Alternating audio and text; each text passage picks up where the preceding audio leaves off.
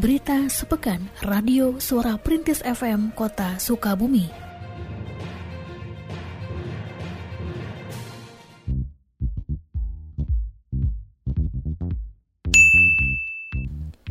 Sejak tahun 1999, UNESCO telah mengusulkan adanya satu peringatan yang mengajak setiap orang menyadari pentingnya keragaman bahasa dan budaya, yang kemudian diwujudkan dalam peringatan Hari Bahasa Ibu Internasional atau International Mother Tongue Day, serta diperingati setiap tanggal 21 Februari.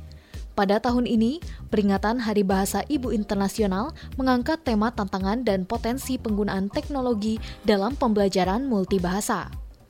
Peringatan Hari Bahasa Ibu Internasional dimanfaatkan sebagai momen untuk semakin mempertegas komitmen untuk menjaga dan melestarikan bahasa ibu yang merupakan bahasa pertama diajarkan oleh orang tua kepada anak. Wali Kota Sukabumi Ahmad Fahmi melalui unggahan media sosial juga memanfaatkan peringatan kali ini untuk mengajak semua pihak memelihara bahasa ibu yang juga menunjukkan kekhasan setiap daerah.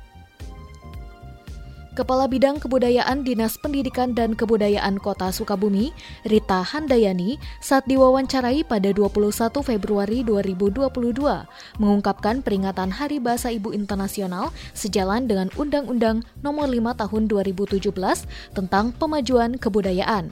Momen ini dimanfaatkan untuk kembali mempromosikan penggunaan bahasa ibu, salah satunya bahasa Sunda, karena saat ini, seperti pada kaum milenial, penggunaan bahasa ibu cukup menurun.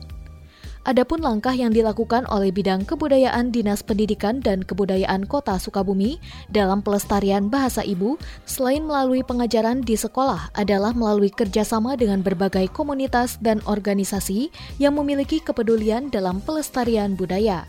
Kerjasama teranyar dilakukan bersama Hijabers Mom Community dengan menggelar berbagai event yang berkaitan dengan kebudayaan. Harapannya eh, dengan Mieling Poe Bahasa Indonesia Dunia itu akan menjadi pengingat ya bagi kita semua, terutama dalam ini adalah generasi muda agar tidak melupakan akar budayanya, akar bahasanya ya yang uh, tumbuh dan berkembang di lingkungan masyarakat di mana generasi tersebut lahir seperti itu. ASN pemerintah kota Sukabumi pada hari Selasa 22 Februari 2022 diterjunkan ke Kampung Tugu Kelurahan Jaya Raksa yang pekan lalu dilanda banjir untuk melakukan kerja bakti mempercepat proses pemulihan pasca bencana. Kerja bakti tersebut dipimpin oleh Wali Kota Ahmad Fahmi dan diikuti pula oleh Wakil Wali Kota Andri Setiawan Hamami dan Sekretaris Daerah Dida Sembada. Kerja bakti ini difokuskan untuk membersihkan puing-puing sisa reruntuhan bangunan akibat banjir agar warga bisa secepatnya beraktivitas seperti semula, serta pembangunan rumah warga yang rusak bisa segera dimulai. Dalam pelaksanaannya, para ASN disebar di berbagai lokasi untuk memudahkan proses pembersihan.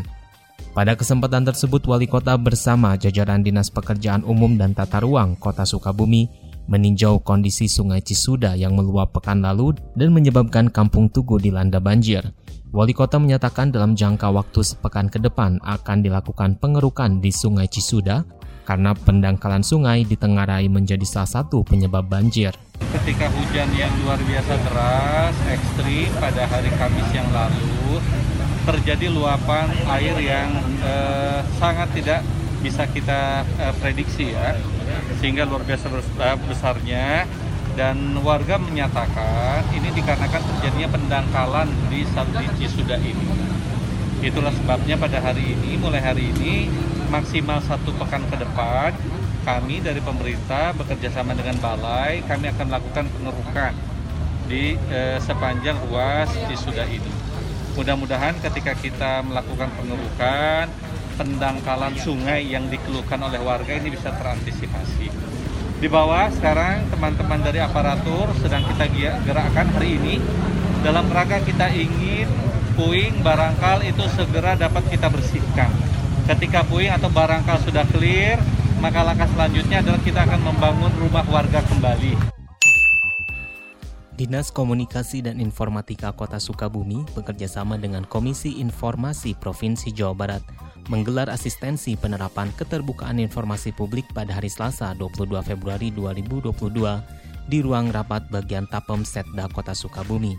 Asistensi diikuti oleh para pejabat struktural dan fungsional Dinas Komunikasi dan Informatika pada kesempatan tersebut, Kabin Penyelesaian Sengketa Informasi Komisi Informasi Jawa Barat Husni Farhani Mubarok selaku narasumber mengatakan kegiatan ini bertujuan agar informasi badan publik dapat lebih mudah diakses oleh masyarakat sehingga akan terwujud pemerintahan yang bersih, transparan, dan akuntabel.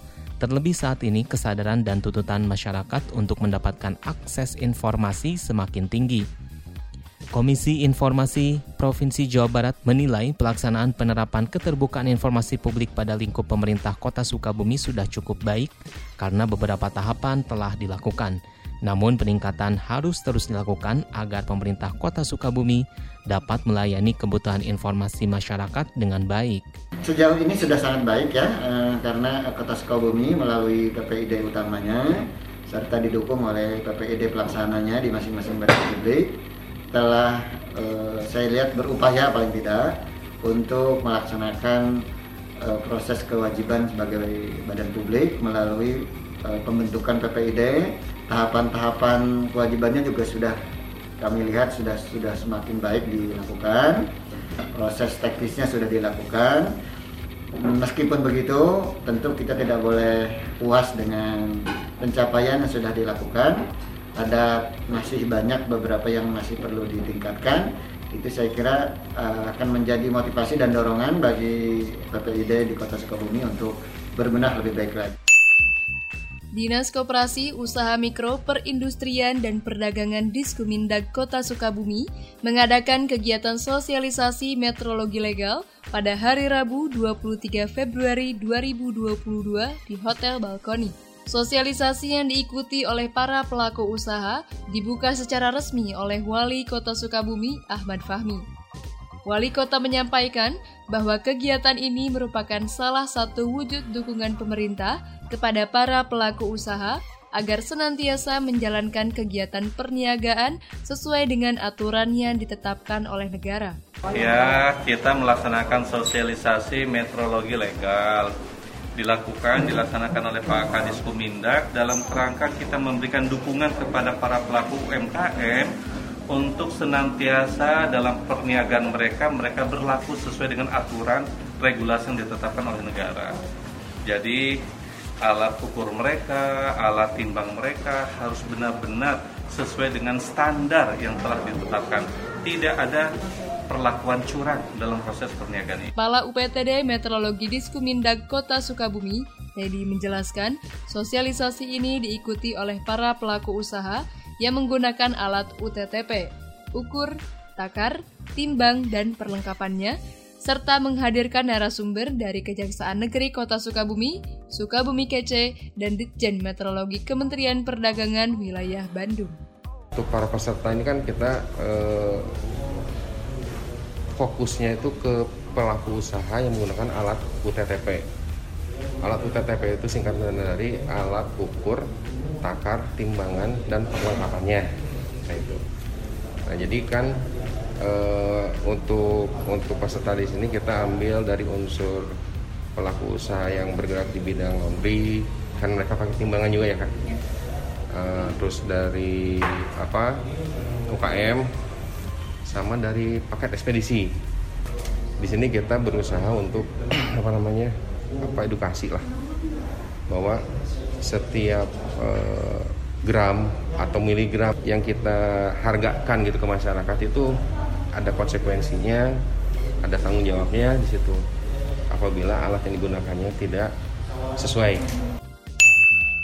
Dinas Komunikasi dan Informatika Kota Sukabumi menargetkan indeks sistem pemerintahan berbasis elektronik SPBE pada tahun 2022 mengalami kenaikan setelah pada tahun 2021 indeks SPBE pemerintah Kota Sukabumi mencapai 2,98. Kepala Bidang Aptika Diskominfo Kota Sukabumi Yuli Noviawan saat ditemui dalam rapat SPBE dan Smart City pada hari Rabu 23 Februari mengatakan untuk mencapai target tersebut bidang Aptika selama dua hari sejak tanggal 22 Februari menggelar koordinasi dengan berbagai organisasi perangkat daerah.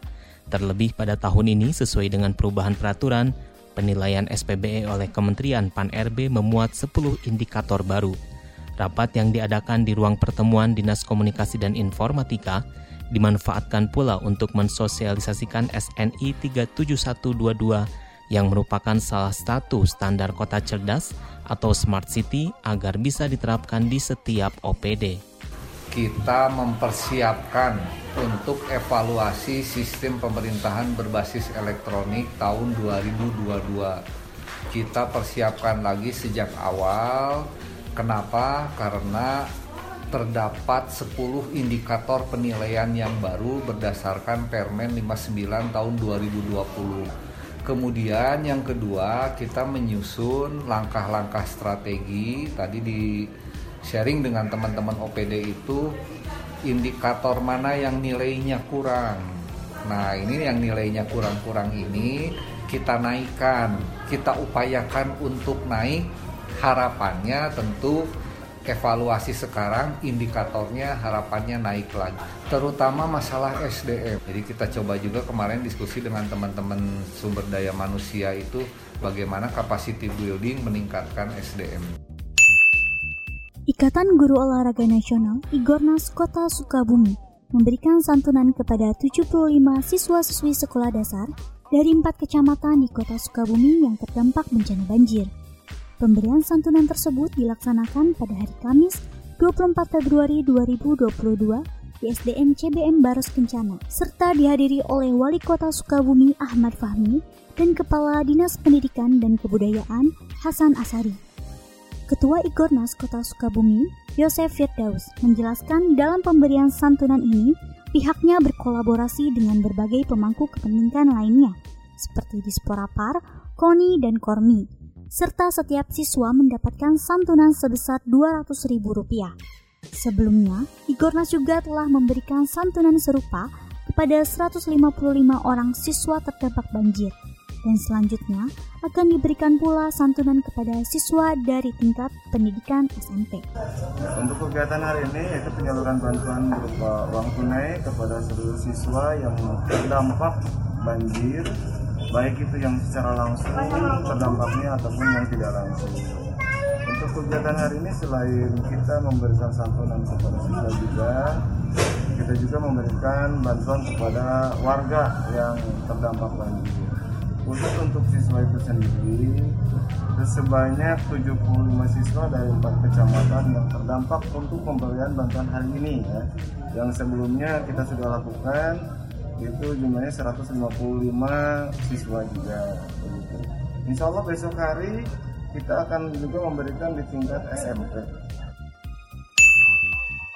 Pengadilan Negeri Kota Sukabumi mensosialisasikan berbagai layanan aplikasi yang dimilikinya untuk meningkatkan pelayanan kepada masyarakat Sosialisasi tersebut dilaksanakan kepada pihak kecamatan dan kelurahan sekota Sukabumi pada hari Jumat 25 Februari 2022 di Balai Kota yang diteruskan dengan talk show di Radio Suara Perintis.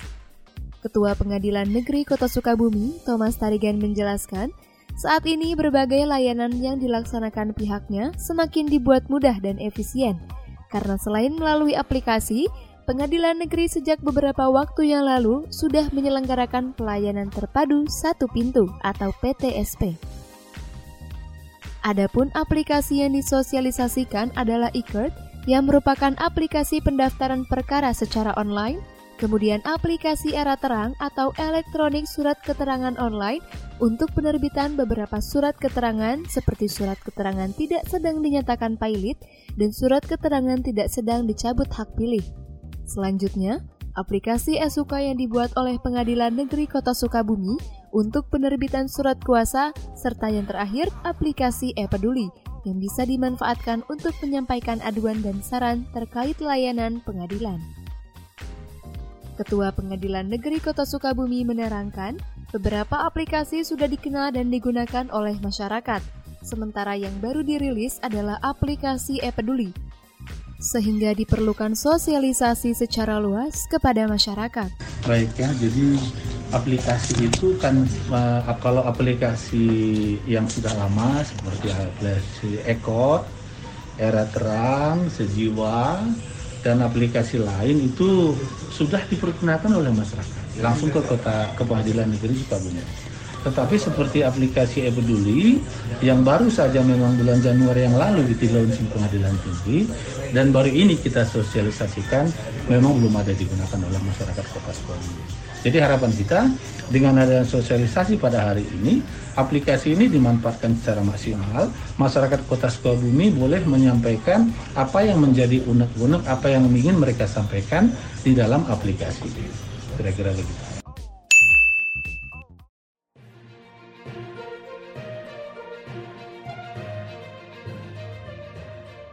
Berita sepekan Radio Suara Perintis FM Kota Sukabumi.